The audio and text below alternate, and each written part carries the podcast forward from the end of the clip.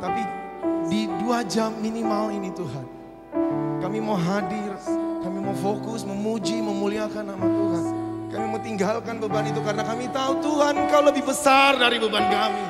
Engkau lebih kuat dari beban kami. Engkau lebih kuat, Engkau lebih dahsyat dari sakit kami. Izinkanlah kami Tuhan. Kami memuji, memuliakan nama Tuhan. Ya Yesus. Ya urapanmu turun.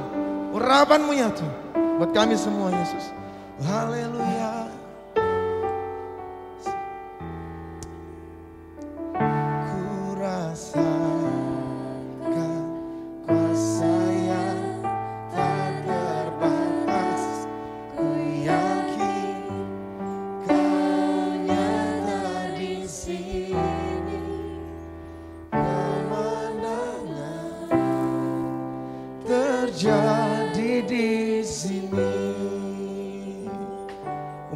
Percaya sama-sama kita katakan.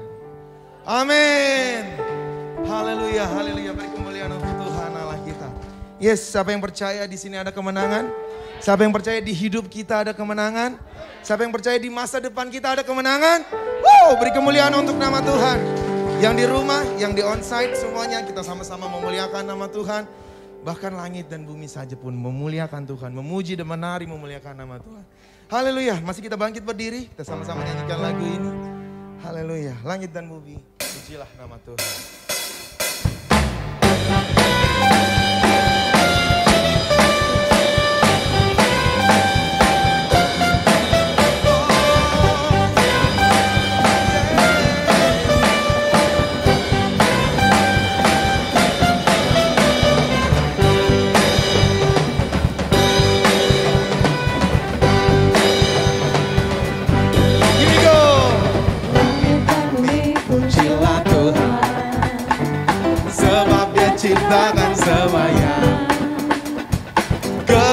Keagungan yang mengatasi langit bumi. Sembah sujud di hadapannya. Ayo kita menari buat Tuhan. Memuji dan memuliakan Tuhan. Langit dan bumi pujilah Tuhan. Yes. Sebab dia ciptakan semuanya. Keagungan yang mengatasi langit bumi Sembah sujud di hadapannya Ku puji, ku sembah, ku puji, ku sembah Yesus Kristus sang penebusku Ku puji, ku sembah, ku puji, ku sembah Yesus Tuhan dan Rajaku. Jemaat Tuhan. Ini kayak ada suaranya nih. Jemaat Tuhan.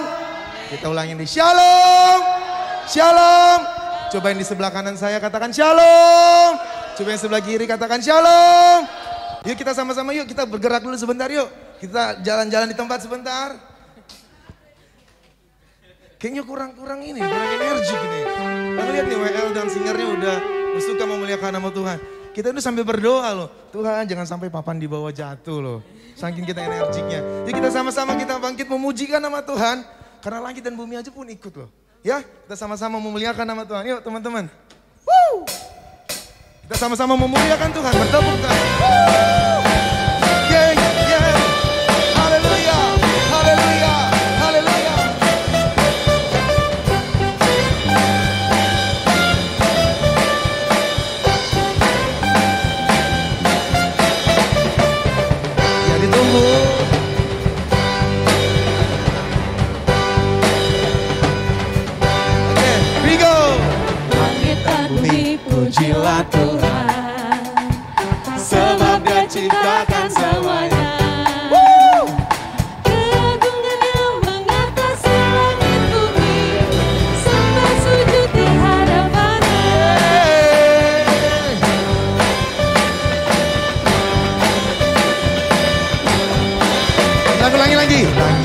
Langit dan bumi, pujilah Tuhan.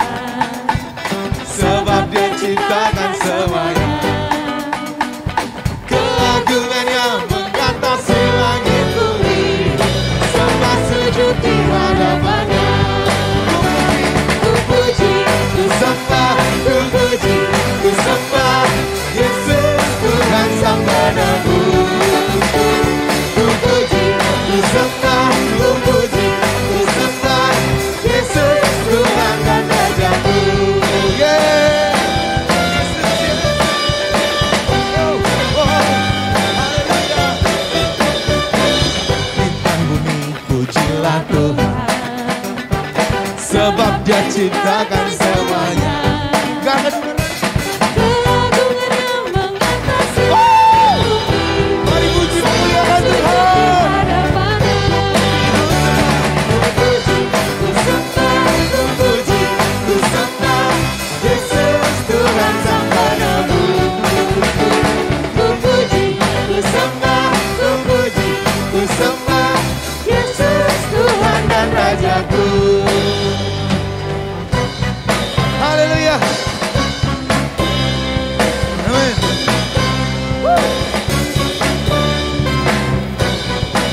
Kita sama-sama kita katakan haleluya amin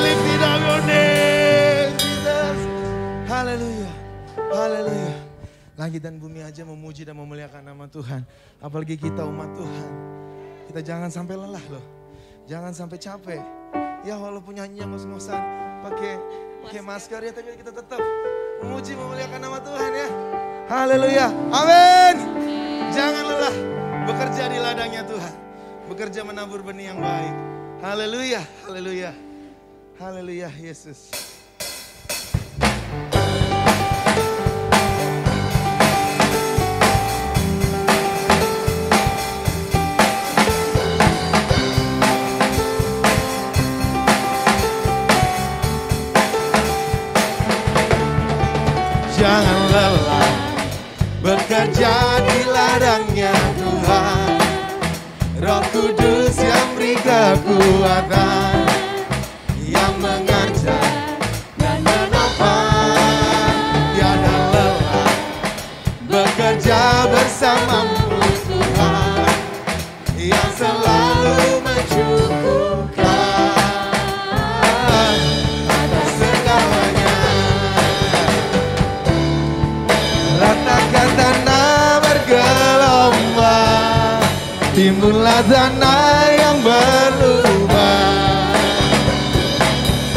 menjadi siap dibangun di atas dasar iman.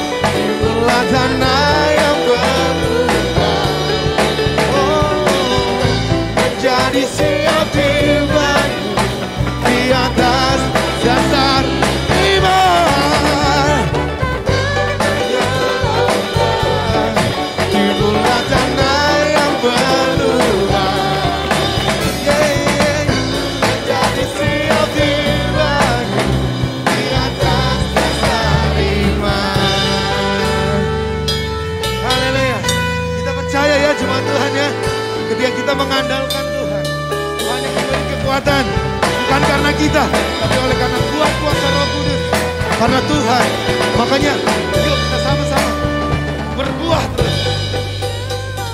Menabur benih baik. Melakukan hal-hal yang baik yang menyukakan hati Tuhan. Mengambil bagian dalam pelayanan. Tidak neko-neko dalam pekerjaan. Tetap fokus dalam dalam studi. Semuanya untuk memuliakan nama Tuhan. Lakukan apa pun itu untuk memuliakan nama Tuhan berkembang menjadi siap dibangun. Bangun di atas dasar iman.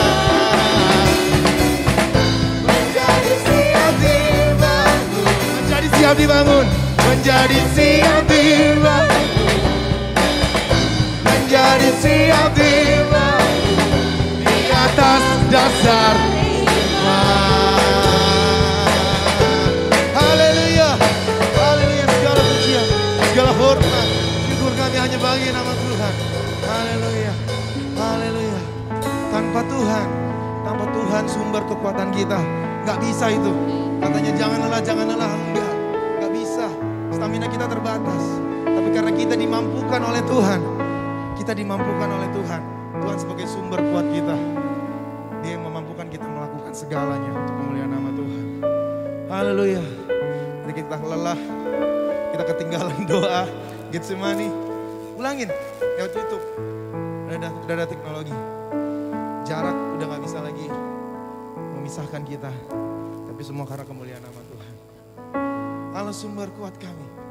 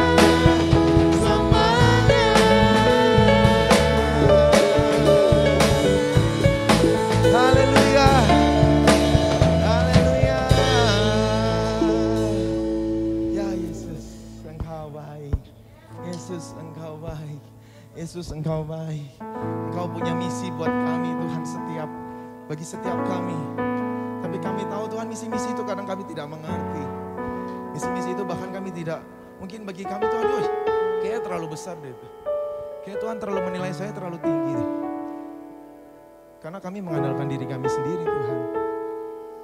Kami mau berbuat sesuatu karena kami mengandalkan diri kami.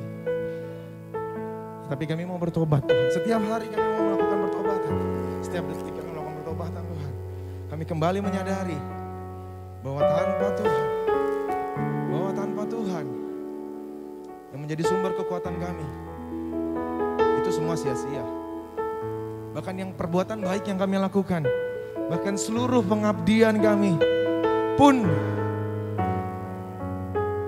tak ada gunanya sia-sia.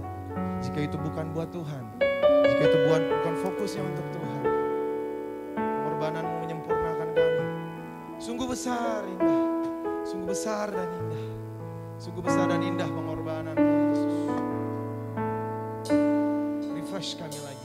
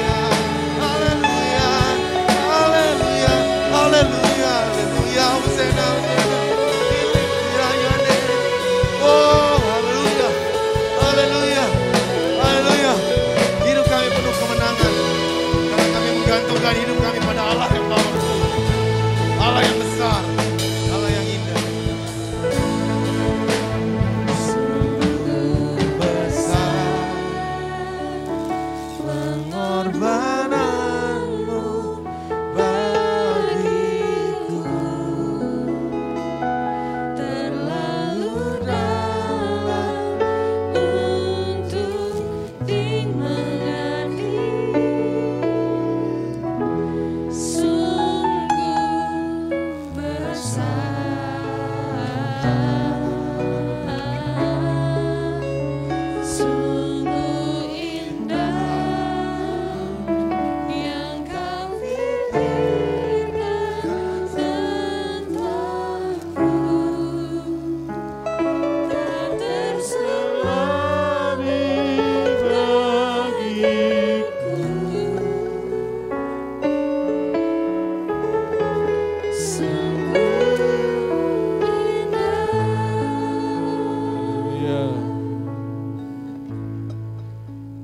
Demikianlah deklarasi kami di hadapanmu Bapa.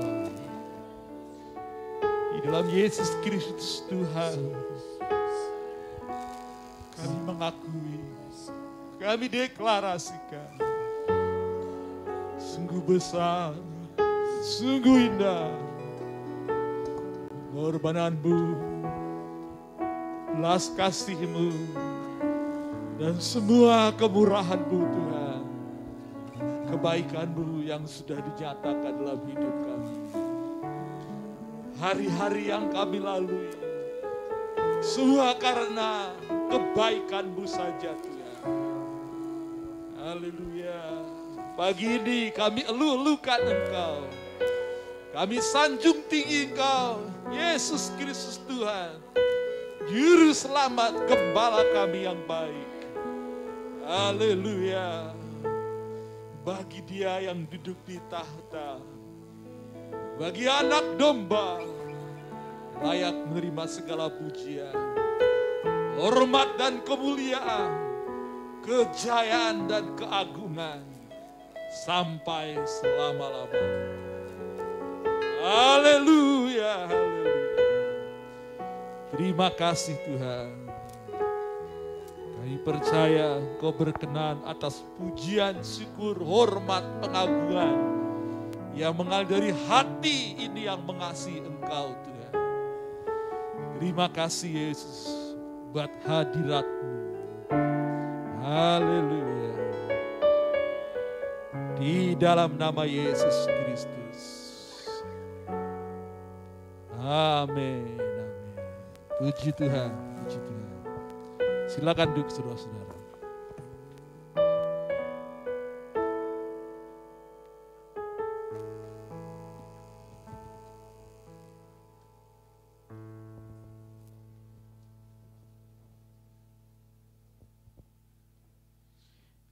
Haleluya, puji Tuhan. Selamat pagi, Shalom. Haleluya. Sungguh besar dan sungguh indah. Haleluya. Segala karya Tuhan dalam hidup kita. Puji Tuhan. Kekasih-kekasih Kristus, sungguh kita layak dan harus mengucap syukur setiap hari Sebab tak berkesudahan kasih setia Tuhan. Tak habis-habisnya rahmatnya. Selalu baru setiap pagi. Puji Tuhan, puji Tuhan. Saya eh, bersyukur, saya salut kalau dapat dikatakan. Saya menaikkan pujian kepada Tuhan, bangga di hadapan Tuhan pada saudara-saudara yang setia beribadah. Sekalipun dalam situasi pandemi seperti ini. Saudara adalah orang-orang yang berani dalam iman. Dapat tetap langkah bersama berkumpul on-site dalam ibadah pada pagi hari ini. Ya, setiap hari pasti saudara pergi ke pasar, di jalan, ya bersekolah, kuliah, sudah sudah mulai tetap muka ya. Saudara bekerja, berinteraksi dengan banyak orang. Saudara berani melakukannya. Mengapakah kita tidak berani untuk datang dalam rumah Tuhan? Yang yang satu setengah sampai dua jam paling lama. Tuhan memberkati saudara-saudara. Haleluya. Haleluya. Puji Tuhan, puji Tuhan. Baik, pada pagi hari ini saya ingin melanjutkan kebenaran firman Tuhan. Di awal tahun berbicara mengenai bagaimana hidup berkenan di hadapan Tuhan. Kita merindukan 2022 ini. Tahun perkenanan Tuhan turun atas kita. Kita dibawa untuk lebih mendekat dan lebih dekat dengan Tuhan. Dan kita diubahkan semakin berkenan kepada Tuhan. Sebab memang segala yang kita capai, segala yang kita dapat, segala jeli payah kita, menjadilah sesuatu yang sia-sia jikalau tidak ada perkenanan Tuhan atas kita. Puji Tuhan. Dan saya ingin bersama sekali lagi pada minggu ini merenungkan merenungkan satu poin tentang bagaimana untuk hidup lebih berkenan lagi di hadapan Tuhan. Perkenanan Tuhan turun atas kita.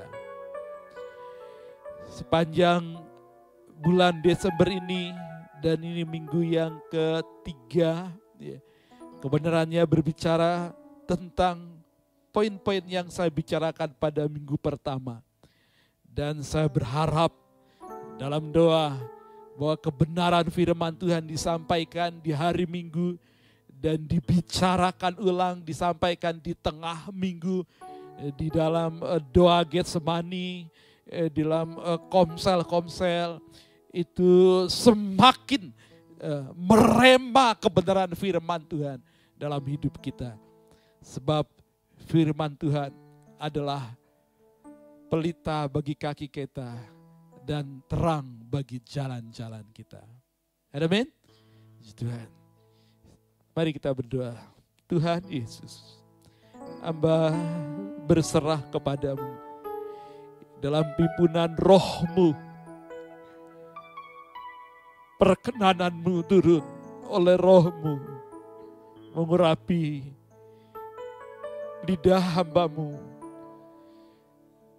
Jiwa dan roh ini Tuhan menjadi saluran pernyataan kebenaran firman-Mu. Ialah setiap umatmu yang mendengar onsite di gereja ini ataupun online. Dan itu tidak terbatas dengan ruang dan waktu. Siapa saja dan di mana saja. Kapan saja mereka membuka channel GCA ceria ini dalam ibadah ini. Mereka diberkati Tuhan. Dan biarlah urapan firman-Mu bekerja dalam setiap pribadi yang mendengar. Haleluya. Padamu hamba berserah ya roh kudus. Di dalam nama Tuhan Yesus. Amin. Amin. Baik. Firman Tuhan pada pagi ini saya memberi judul bertumbuh dalam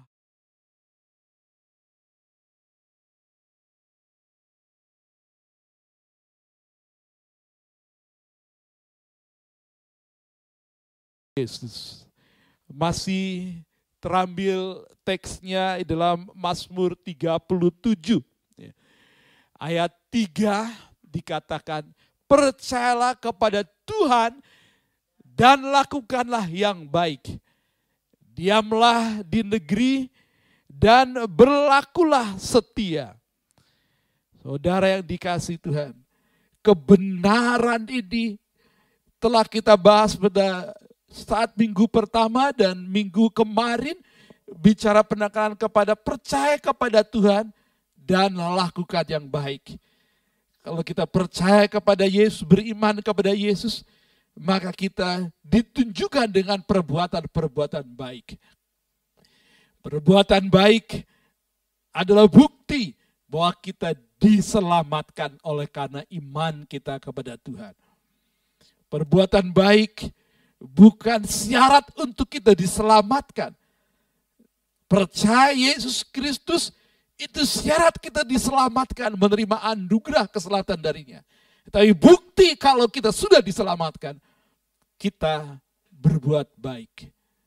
Ini dua hal yang tidak bisa dipisahkan dalam kehidupan kekristenan. Demikian pula pada ayat yang sama dalam bagian selanjutnya ini. Menekankan yaitu diamlah di negeri dan berlakulah setia. Ya. Diamlah di negeri dan berlakulah setia juga dua hal yang tidak bisa dipisahkan. Ya. Dan kita akan mendalami bagian ayat ini. Ya. Diam dirilah di hadapan Tuhan dan nantikanlah Tuhan. Dalam ayat ketujuh disinggung kembali Rupanya diamlah di negeri itu dalam artian diam di hadapan Tuhan. Nantikan Tuhan. Ya. Bergantung kepada Tuhan, berharap kepada Tuhan, izinkan Tuhan berkarya di dalam dan melalui kehidupan kita. Ya. Berdiam diri di hadapan Tuhan, nantikanlah Tuhan, juga dua hal yang tidak bisa dipisahkan. Ya. Ya, kenapa ini tidak bisa? Ya. ya, diamlah di negeri, nantikanlah Tuhan, itu berarti kita harus bersungguh-sungguh melakukannya. Ya. Diamlah di negeri dan berlakulah setia. Berarti kita melakukan hidup di hadapan Tuhan, hidup dekat dengan Tuhan, hidup menikmati hadirat Tuhan, dalam kehidupan kita itu tiap waktu, tiap saat. Dan itu dilakukan bersungguh-sungguh. Berarti melakukan hal melayani, mengasihi, menjadi berkat, menjadi garam di dunia, tidak berkhianat, ya, setia, katakan setia, berarti sungguh-sungguh melakukannya. Mengasihi, melayani, menjadi berkat bagi lain orang, menjadi garam dan terang, ya, tidak berkhianat, dilakukan sebagai bukti bahwa kita merasakan hadiratnya. Ia hadir di mana kita ada, eh, kita jadi hidup berhati-hati sebab kita tahu Tuhan ada beserta kita. Tuhan melihat dan memperhatikan kita. Dan ini kedua hal yang tidak bisa dipisahkan. Diam di negeri dan berlakulah setia. Itu berarti tunjukkan dengan hidup dalam komunitas yang sehat dan mendukung. Ya. Diamlah di negeri. Negeri ya itu berarti bukan hanya satu orang, ada banyak orang. Diamlah di hadapan Tuhan sebab ada banyak orang yang percaya kepada Tuhan. Berarti kita harus hidup bersama dengan anak-anak Tuhan yang lain. Berarti kita harus hidup di dalam komunitas anak-anak Tuhan. Ya. Yang sehat, yang saling mendukung. Ya. Sebab lingkungan kita, komunitas kita itu mempengaruhi kita. Yang paling merusak hidup kita, komunitas.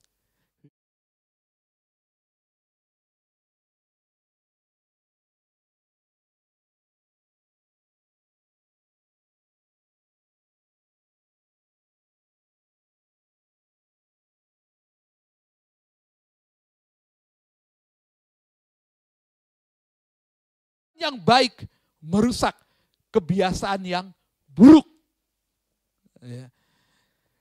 Kalau kebiasaan yang buruk dirusak oleh pergaulan yang jahat, lebih dahsyat lagi kalau kita hidup dalam pergaulan yang baik, maka kebiasaan yang buruk itu akan dihancurkan.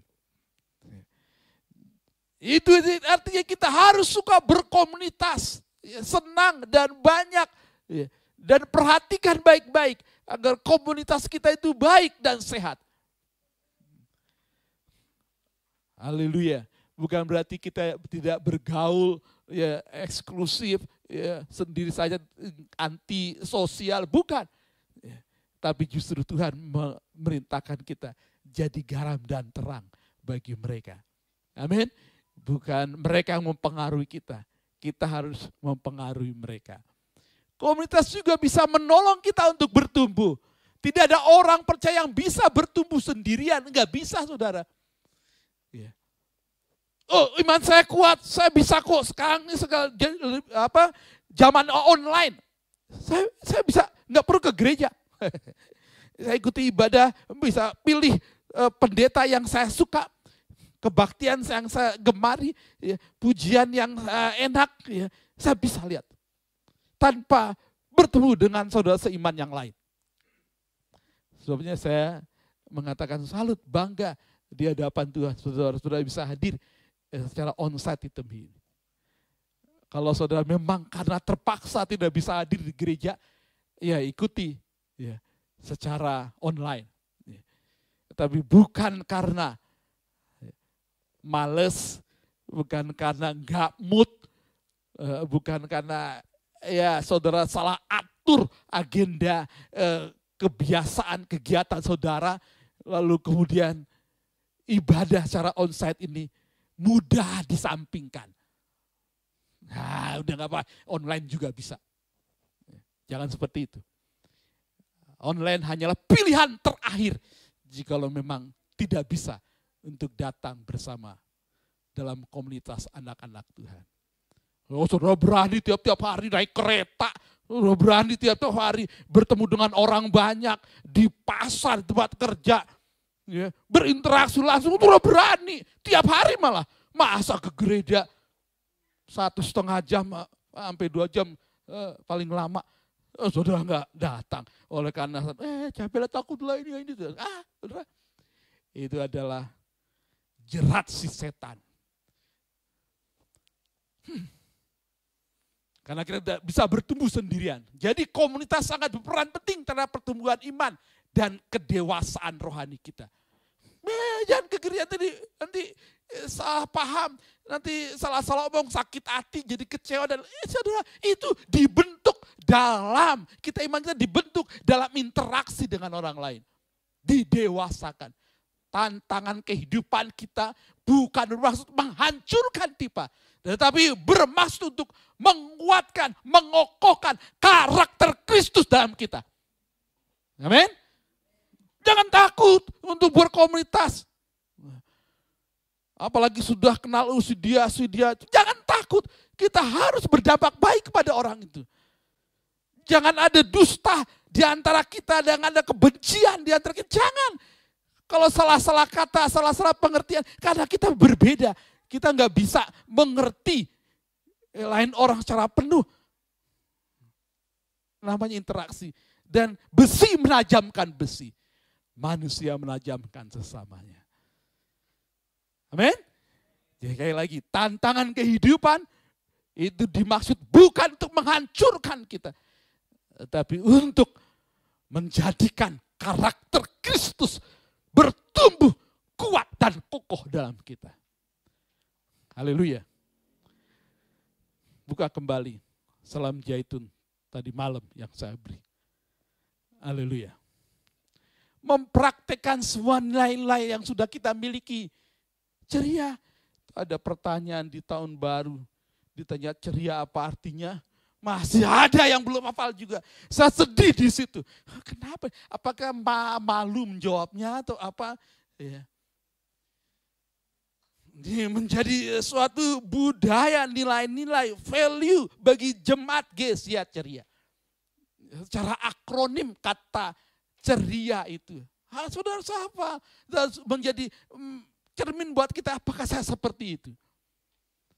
Cinta Tuhan dan sesama energik, rajin, nggak males, rendah hati, penuh integritas, apa yang dikatakan sama yang dikerjakan sama, nggak bertentangan, jujur, handalkan Tuhan, bukan sombong dengan kekuatan sendiri, tetapi rendah hati dan itu bergantung kepada Tuhan. Itu dalam komunitas. Ya. Dua, mengkonsumsi suplemen rohani setiap hari. Di masa pandemi seperti ini, ya, kita harus ya, divaksin. Sekarang ada vaksin yang ketiga, ya, apa vaksin booster, ya. Dan Presiden kita Jokowi sudah memberi pengumuman itu gratis. Ya, saya belum sih di booster, tapi sudah datang, sudah dua tempat sudah mulai. Ya. Saudara, kita perlu untuk itu. Di tengah kehidupan kita juga, kita perlu sebab memang kita tahu ya, tentang sesuatu dalam hidup ini. Perlu tambahan ya, suplemen. Yesus dalam sebuah peristiwa ya, memberikan perumpamaan orang yang sedang me, me, menanam dan mengharapkan buah. Ya, orang itu berkata, Tuhan, biarkanlah dia tumbuh tahun ini lagi. Aku akan mencangkul tanah sekelilingnya dan memberi pupuk kepadanya. Ya, diharapkan supaya bertumbuh. Eh, saudara, mungkin Selasa atau Rabu, eh, kami akan panen eh, tanaman hidroponik kami. Ada selada, selada karina, ya, itu buat lalap enak.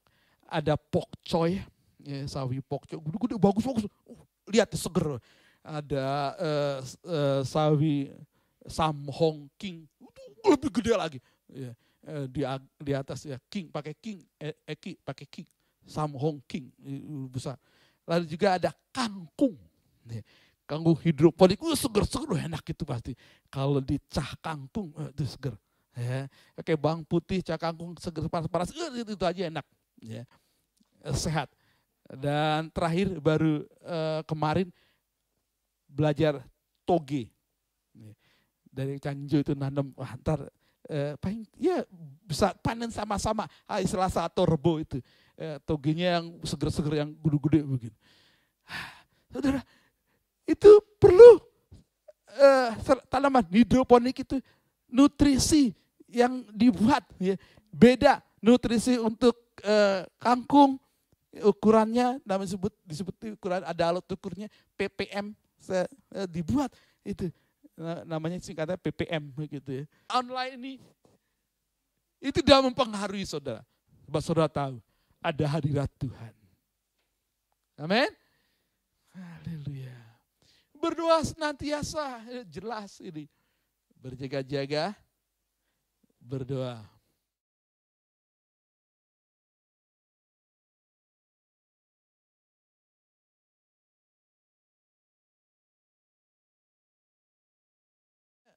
Coba eh, kamu pimpin doa makan kita. Saudara jangan, jangan mm, ah, saya saya nggak bisa doa, Eh, jangan saudara. Masa nggak bisa berdoa orang Kristen? Saya suka gitu tuh. ya. Lihat, eh, maksudnya baik. Ya, pimpin doa dia kan. ya, ya, ah, Masa malu ya, dan tidak bisa pimpin doa. Itu buktikan bahwa kita tidak suka berdoa. Jadi saudara-saudara, biarlah doa itu yang saudara tahu, nafas kehidupan kita, itu menjadi suatu gaya hidup kita. Yang namanya nafas, satu menit berapa kali tarikan nafas kita. Walaupun ada orang bisa bertahan tiga menit untuk tidak bernafas. Karena berenang mungkin nyelam begitu. Dan pasti tidak tahan. Selama-lamanya pasti nggak tahan. Dia harus perlu bernafas, hirup udara oksigen lagi. Demikian kita. Dalam hidup rohani kita. Kalau saudara tahu doa itu nafas kehidupan. Kalau nggak bernafas berarti mati. Nah kita harus. Rohani kita mati. Kalau kita tidak suka berdoa. Saya senang ada pendoa-pendoa syafaat hadir saudara-saudara eh, di dalam doa Getsemani. Ada yang masih di jalan, di mobil, ikutin itu doa. Ya. Ada yang baru pulang, ya, Eh, lalu kemudian eh, belum mandi, ya. Karena saya tahu, saya nggak komentar aja. Dibuka videonya, eh dia kayaknya belum mandi, dia baru pulang kerja. Ikut doa, wow! Seperti itu. Apakah kita bernafas,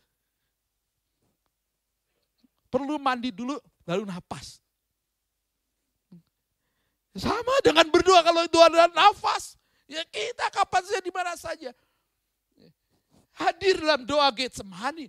Kalau kita nggak bisa ngikut, harus bisa mendengar. Ya. Handset di sini. Dalam perjalanan, sudah bisa. Satu di sini, satu nggak usah dipakai, semua harus mendengar ya ke sekitar. Bisa, sudah bisa ikut. Haleluya. Doa itu nafas. Komunitas perlu, komunitas yang berdoa, ya, itu akan memprotek kita, hadirat Tuhan, ya, akan memprotek kita di mana saja kita berada. Haleluya. Saya dorong saudara, hadirilah, ya, banjirilah, penuhilah. Ya. Doa Getsemani dengan ada banyaknya kamar-kamar Zoom yang dibuka. Baik pribadi di mana saya harus. Saya dorong, saya katakan harus saudara. Jangan pakai alasan lain-lain hal. Ya. Itu tergantung mau atau enggak. Bukan bisa atau enggak. Mau atau tidak. Itu yang utama. Di mana ada kemauan, di situ ada jalan. Hidup dalam firman Tuhan. Tetapi Yesus menjawab ada tertulis manusia hidup bukan dari roh.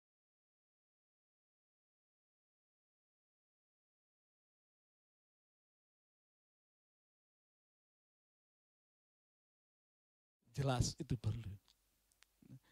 Manusia hidup bukan dari roti saja. Saudara sekarang saya eh, setiap pagi makan makanan Alkitabiah yang semua tokoh Alkitab makan, ya. bahkan sampai kitab Wahyu dicatat, ya. yaitu makan gandum. Ya. Jadi pagi-pagi saya makan gandum itu apa namanya? eh, kokrot, ya, ah, ya itu dia, eh, Quaker, ah, ya seperti itu, ya itu Alkitab dia. Semua toko perjanjian, semua perjanjian itu maknanya gandum, ya. semuanya makan gandum. Ya. Dan perumpamaan Tuhan Yesus juga gandum dan lalang. Ya. Jadi makanan sehat. Ya, bagi saya makan itu. Ya.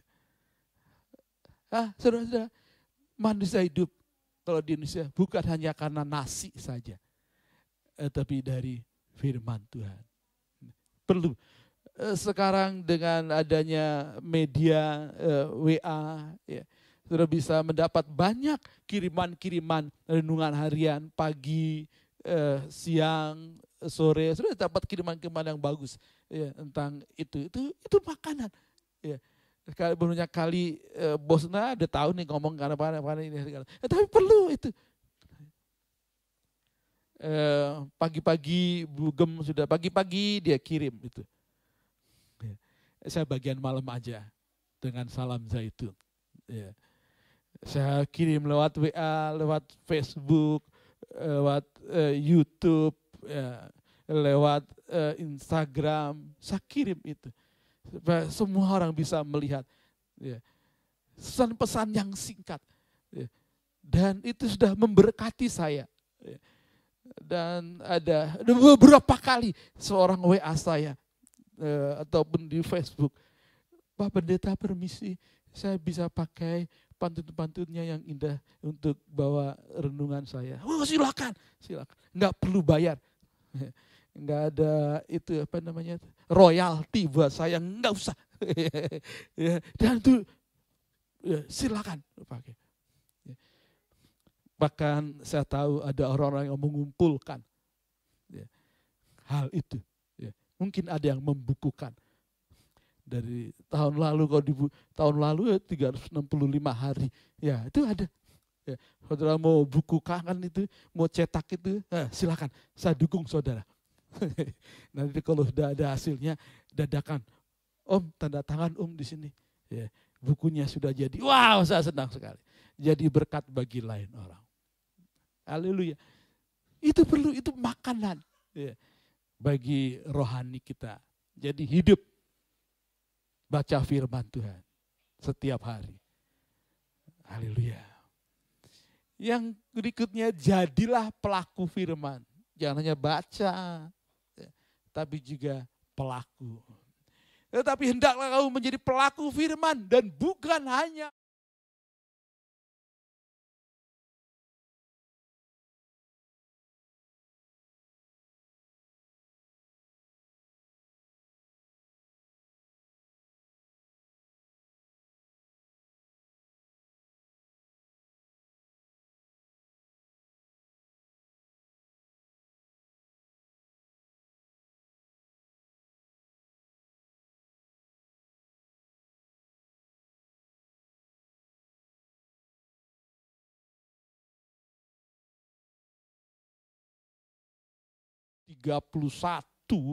ya yang harus normalnya 150 sampai 200 ya normal 150 itu di bawah itu 124 ya untuk kolesterolnya dan saya bersyukur Bapak eh, dokter itu ancukan jempol wah, hebat luar biasa Bapak.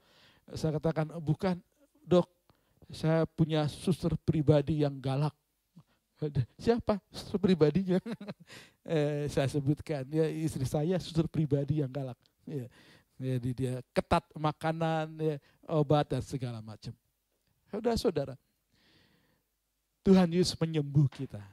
Amin. Kita lakukan bagian kita kita laku, tahu kebenaran maka kita lakukanlah itu. Tahu yang benar dan tidak melakukan kita berdosa kita tahu firman Tuhan, lakukanlah itu. Jangan berdali-dali. Saudara tidak suka kan kalau anak buah saudara, anak saudara atau orang yang dekat dengan saudara dimintakan tolong atau diberi perintah, dia beralasan. Apalagi suka kadang-kadang anak-anak tar, tar, nembak. Ya. Itu bikin kesel. Kalau udah sudah sudah sangat butuh, ya sangat perlu dengan berbagai alasan berdalih-dalih. Demikian dengan Tuhan.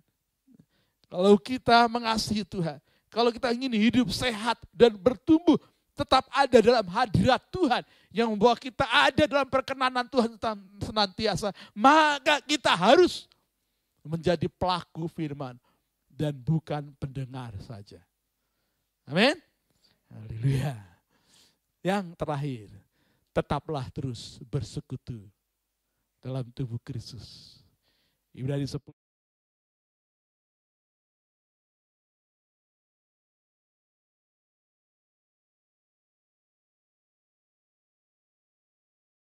seperti dibiasakan oleh beberapa orang. Tapi mari kita saling nasihati dan semakin giat melakukannya. Menjelang hari Tuhan yang mendekat. Ini sangat jelas dan tegas. Sudah. Memang masa pandemi awal-awal yang lalu 2020, 2021 kita sangat ketat sekali. Eh, sejak Maret ibadah kita pertengahan Maret ibadah kita eh, online, nggak ada pertemuan emang itu parah-parah gelombang satu. Kita wow, melonjak terus. Memang kita harus ikuti. Kita berhikmat berarti. Pertemuan kita secara online. Tapi kita masuk 2021.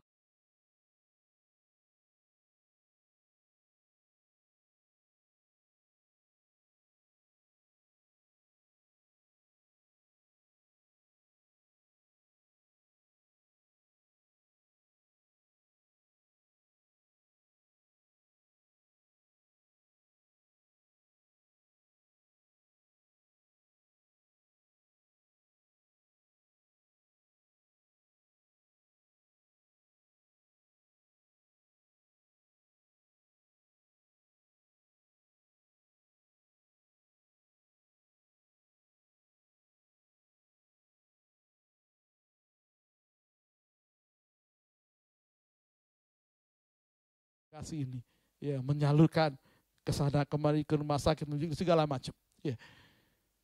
Puji Tuhan. Kita harus ya, bersekutu seperti ini. Jangan pakai alasan seperti saya katakan tadi di depan sebelum ibadah ya sebelum firman Tuhan ini. Jadi mari. Kalau kita bisa onsite kenapa harus online? Sebab firman Tuhan mengatakan seperti itu Haleluya. Haleluya. Hanya alasan-alasan yang mendasar sajalah kita ikuti ibadah secara online. Ya. Pertemuan pertemuan dalam sekomunitas itu sangat penting. Bertumbuh dalam iman menjadi dewasa secara rohani tidak terjadi begitu saja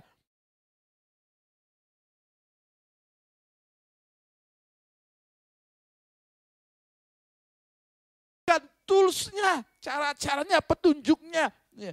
Oleh sebab itu ambil toolsnya, caranya lakukan itu, implement, implementasikan di dalam kehidupan kita setiap hari. Maka kita akan bertumbuh secara rohani. Ada dalam hadirat Tuhan. Saya lakukan cek kesehatan seperti itu. Kita harus cek juga. Apakah saya melakukan firman Tuhan atau tidak. Adakah perubahan dari saya? Apa yang diubahkan dari saya tentang karakter saya? Makin bawel, makin khawatir, makin takut, atau makin sabar, makin rendah hati, makin suka memuji Tuhan atau menyembah Tuhan.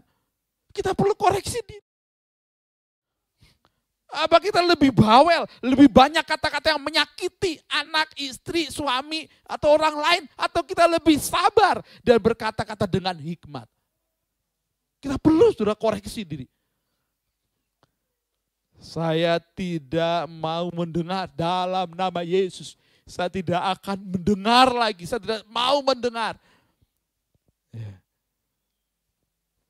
Ada kebiasaan-kebiasaan lama dari jemaat yang tidak sesuai dengan firman Tuhan. Masih bercokol dalam dirinya. Sebaliknya ada perubahan-perubahan, gaya hidup yang baru biarlah anak, istri, suami, ya, orang tua terpesona akan karya Tuhan dalam hidup kita. Karena kita hidup kita dibaharui dari hari ke hari. Ya, Kita mewariskan iman yang benar kepada anak-anak kita. Dan anak-anak kita tidak punya kepahitan kepada kita. Jaga, saudara saya lagi mengatakan, jaga. Jangan sampai orang punya kepahitan dengan kita. Ya. Karena perkataan kita, karena kita menyakiti orang-orang terdekat dengan kita. Sekali lagi, orang yang paling eh, rentan menyakiti kita adalah orang terdekat kita. Kalau kita punya orang terdekat kita, marilah jangan sampai kita menyakitinya. Bukan berarti orang yang jauh kita sakiti, bukan. Tapi yang sangat mudah, yang sangat rentan, orang terdekat dengan kita. Jadi perlunya kita senantiasa ada diam di negeri, yaitu di hadirat Allah setiap hari, setiap waktu. Agar kita terkontrol hidup kita. kolesterol saya, kadar gula darah saya, kadar eh, asam urat saya terkontrol. Karena saya ingat pesan dokter. Ini nggak boleh ini, nggak boleh itu dan jaga. Nah, jadi baik. Saya evaluasi, ya, ada alat pengecek darah. Ya, saya, saya bersyukur. Ya, kita juga cara rohani, saudara. Kalau itu secara jasmani terbatas, Toh pada akhirnya umur kita juga ada waktunya. Tapi hal rohani bernilai kekal. Kita harus jaga kesehatan rohani kita. Amin. Jaga. Jangan sampai kita menyakiti atau izinkan kita disakiti. Lalu kemudian izinkan menyakiti itu eh, kecewa, itu terpendam dalam kita. Tolak dalam nama Yesus. Terakhir, Saudara pasti pernah pengalaman kaki kena kenal pot. Kristi pernah kena kenal pot. Pasti baru kena begitu sudah ditarik. Karena nggak mau nempel terus. Ya itu normal. Yang nggak normal kena kenal pot, nempel terus. Ya tolongin kena kenal pot. Tolongin. Bodoh. Enggak perlu minta tolong orang cuma dikeluarin enggak nempel knalpot. Enggak tarik aja begini ya udah beres. Kita juga kalau ada hal-hal yang orang sengaja atau tidak sengaja ya, menyakiti kita, jangan izinkan itu nempel kepada kita. Tolak dalam nama Yesus. Amin. Katakan tidak kepada hal itu. Biar hal yang baik ada dalam kita. Kita balas kejahatan dengan kebaikan. Kutuk dengan berkat. Haleluya. Haleluya. Sudah ya, terakhir ya. Puji Tuhan. Kita berdoa. Haleluya.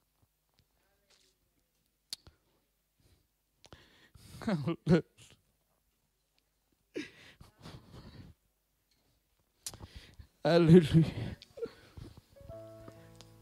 Mari saudara, kita beri diri kepada Tuhan sekali lagi. Kita bawa jiwa kita, roh kita kepada Tuhan. WL Singer Tim Serafim siapkan lagu itu. Mengiringmu seumur hidupku. Haleluya. Masuk dalam rencanamu Bapak. Haleluya. Pikiranku semuanya yang ada padaku biar seturut dengan kehendak. Haleluya. Haleluya. Dan mari setiap saudara kita yang sudah mendengar firman ini. Mari kita lakukan kebenaran firman Tuhan. Dan mari mengoreksi diri kita dalam hadiratnya. Tuhan baharui saya. Tuhan saya tidak mau sampah-sampah ini. Ada di hati, ada di pikiran. Saya buang dalam nama Yesus. Haleluya, biarlah kita sehat. Rohani kita, jasmani kita. Haleluya. Puji Tuhan.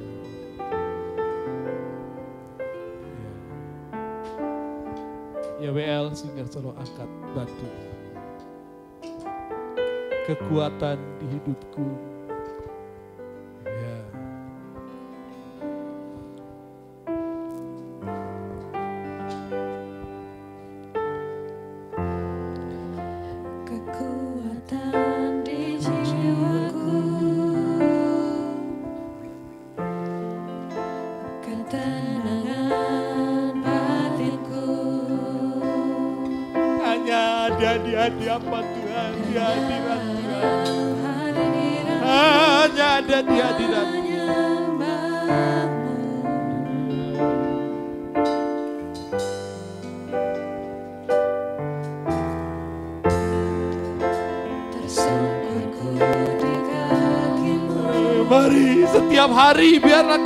merendahkan diri di hadapan Tuhan. Biarlah setiap hari kita menikmati hadiratnya. Haleluya, haleluya. Amin, amin. Mari kita berdiri bersama-sama.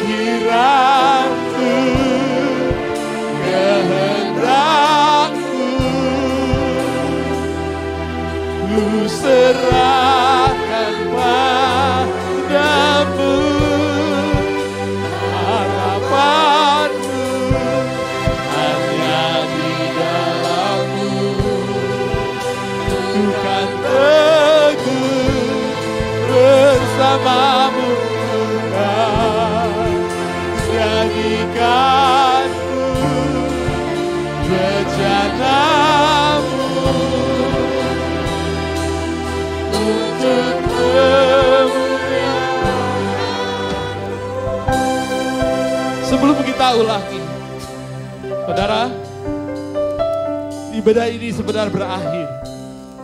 Tapi biarlah hadirat Allah senantiasa dalam hidup kita. Angkat pujian ini sebagai deklarasi kita. Kita mau perkenanan Allah turun atas kita senantiasa. Dengan selalu membawa hadirat Tuhan dalam hidup kita di mana saja dan kapan saja. Itu kekuatan hidup kita. Kekuatan jiwa kita. Angkat pujian dari Allah.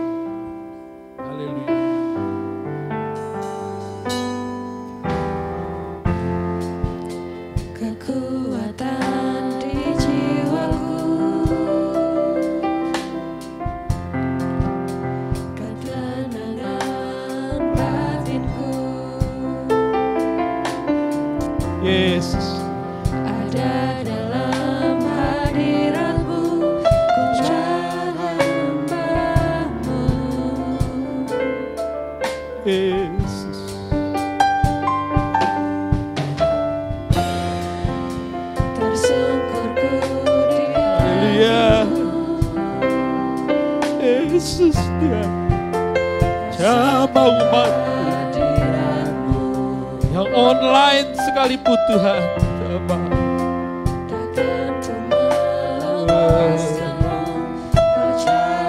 Mari kita mengangkat tangan kepada Tuhan. Dan buat komitmen baru ini sekali lagi.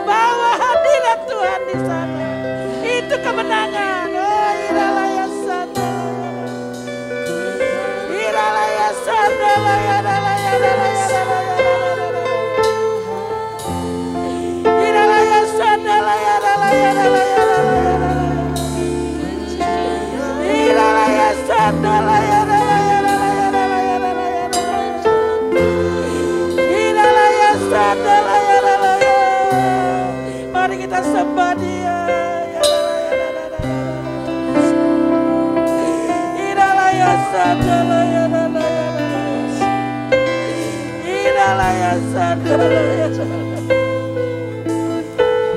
Hanya hadiratmu Tuhan Hanya hadiratmu Tuhan Kami dibebaskan Dalam hadiratmu Tuhan Kami dikuatkan Dalam hadirat Tuhan ada kemenangan Dalam hadirat Tuhan ada damai sejahtera Dalam hadirat Tuhan ada hikmat Dalam hadirat Tuhan ada kesembuhan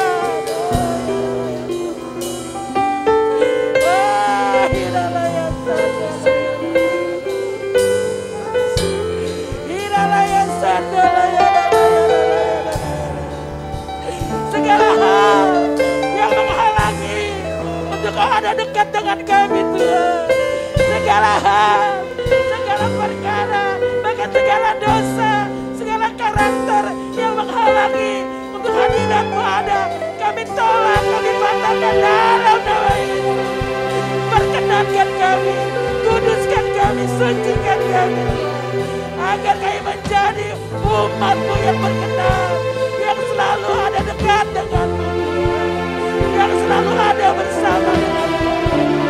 Di mana kami pergi, di mana kami berada. Hadiratmu Tuhan selalu ada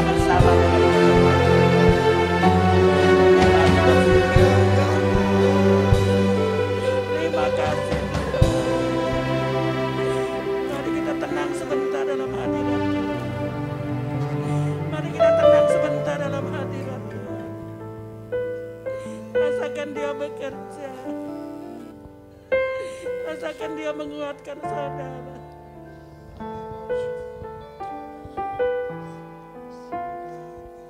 Mari kita tenang dalam hadirat Tuhan.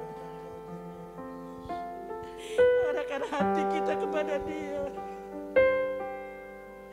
Hanya kepada dia. Hanya untuk dia.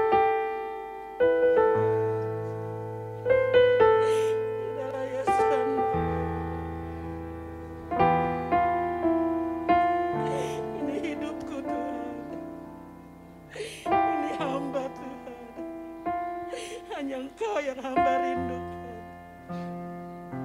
Hanya engkau kekuatanku. Engkau segalanya.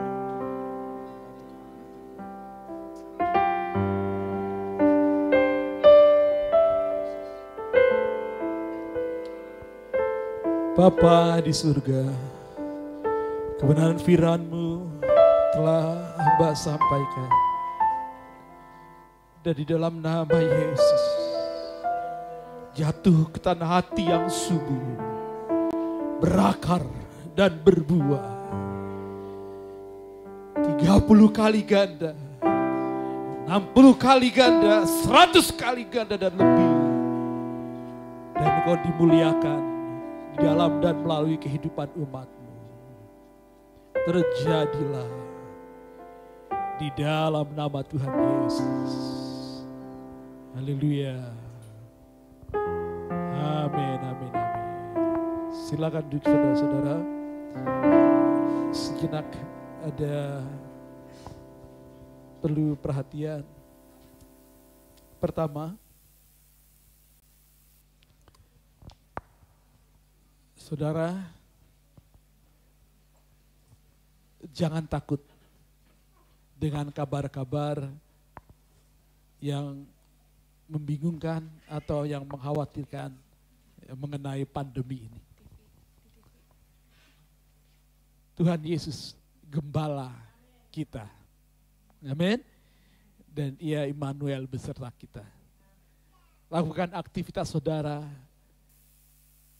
di mana saja, ke mana saja, protokol kesehatan, terlebih lagi protokol kesehatan firman Tuhan kita lakukan. Amin. Puji Tuhan. Berdoa buat pemerintah kita, ya, Satgas, ya, penanganan pandemi, supaya semuanya berjalan dengan baik. ya. Dan saudara, diundang hadir dalam setiap hari Rabu dalam doa bukit semani. Puji Tuhan. Dan jikalau saudara ada kebutuhan, keperluan, dukungan doa, saudara bisa WA saya, japri saya. Ya, ada yang ingin dibicarakan, sampaikan saja. Saya sehat jasmani dan rohani. Amin. Puji Tuhan. Dan saya hanyalah hambanya dan saya percaya jika lain orang diberkati melalui saya, terlebih untuk saudara jemaat kawanan domba yang Tuhan percayakan. Amin. Puji Tuhan. Berdoa buat kota Bekasi.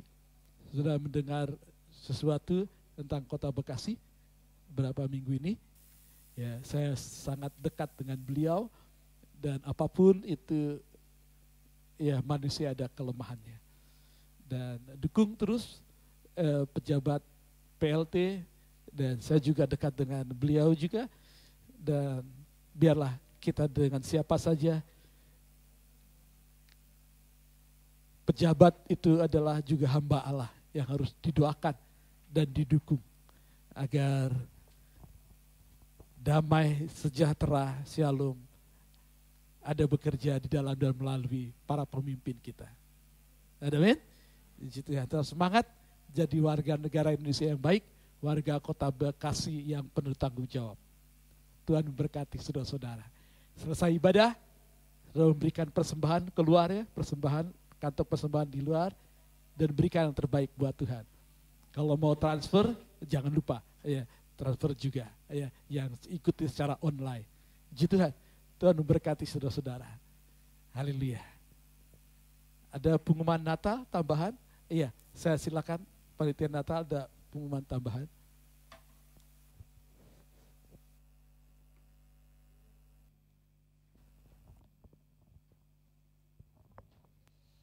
Oke. Salam jemaat sekalian. Eh Natal sudah Natal dan tahun baru udah lewat. Ini iya pohonnya masih ada puji Tuhan. Eh mau ngelaporin sedikit eh, apa aja yang udah kita beli, terus apa yang udah terrealisasi, apa aja yang belum. Karena ada beberapa alat yang belum terrealisasi. Eh nanti ini kalau kekecilan nanti minta tolong tim media di share ke eh, grup WhatsApp ya. Oke. Ini singkat aja. Kita ini jenis-jenis pemasukannya kita dapat jumlah janji iman kita, janji iman panitia dan jemaat itu ada 28 juta 400 ribu, puji Tuhan. Eh, terus realisasi dari semua pemasukan itu ada 42 juta. Sebentar. 42 juta 178 23 9 gimana tuh baca ya puji Tuhan. Eh, realisasi kita kebetul kebetulan. Realisasi kita puji Tuhan kalau kalau dilihat dari budget yang sementara sementara dari budget di awal itu ada kekurangan sekitar satu juta sekian gitu. Jadi nggak terlalu ini kok. Lanjut di scroll ke bawah. Oke, kita tunggu dulu. Nah ini eh, buat keperluan acara bisa dilanjut aja. Di bisa dilihat di ada ada yang over, ada yang under. Lanjut. Oh ngelek ya. Oke. Ini juga di zoom out sedikit. Itu mouse di Oke. Ini keperluan acara. Lanjut lagi. Nggak bisa touchscreen sih ya? Oke, ini penambahan infrastrukturnya agak lagi deh. Lagi lagi. Oh, itu. Ya udah ke bawah dulu. Ininya ke bawah gitu. Iya ke atas, ke atas, ke atas. Oke, sip. Ini ada beberapa barang yang belum terrealisasi itu antaranya mixer, mixer drum sama eh, floor monitor. Tadinya kita mau beli floor, monitor di sini buat eh, jadi kalau kita WL Singkar lagi pujian nih Bapak Ibu, itu kita nggak kedengeran. Eh, jadi kita harus beli floor monitor. Nah tapi itu belum terrealisasi karena mixernya belum terrealisasi. Nah mixernya nggak terrealisasi karena barang yang kita mau beli itu stoknya lagi habis. Kita lagi nyari-nyari di eh, beberapa tempat itu stoknya lagi habis. Ada karena mungkin karena stoknya terbatas, ada beberapa toko yang naikinnya lumayan mahal. Tadinya kita real, apa budgetnya berapa, jadi harganya tuh di atas budget banget. Terus sama mixer drum, mixer drum juga kita belum beli karena mixer apa mixernya belum. Jadi kalau kita beli mixer drum sekarang mixernya belum ada, itu nggak kepake. Eh, suara drumnya itu nggak masuk ke mixer. Jadi ini tiga barang ini belum kita beli karena toko toko ya apa mixernya itu belum ada di toko. Gitu aja. Terus ke bawah lagi. Nah, ini ada totalnya. Total yang kita budgetin itu ada 43 juta 955 ribu. Terus pengeluaran kita itu baru 26 juta 988 ribu 116 rupiah gitu. Terus eh, saldo akhir di bendahara saat ini ada 15 juta 190 ribu 123 rupiah itu buat eh, beli keperluan mixer si mixer drum sama satu lagi floor monitor. Kekurangan dana ini dari budget awal sama apa ini namanya? eh ya, itu ada satu juta tujuh ratus tujuh puluh enam ribu tujuh ratus enam puluh satu rupiah. Eh untuk beberapa barang ada yang over budget, ada yang under budget. Jadi kita ngelakuin alokasi, misalkan eh, tadinya kita mau beli eh bass, apa itu namanya ampli bass. Ampli bass kita nggak beli, itu gara-gara bisa dibetulin ternyata sama Om Daud. Dibetulin terus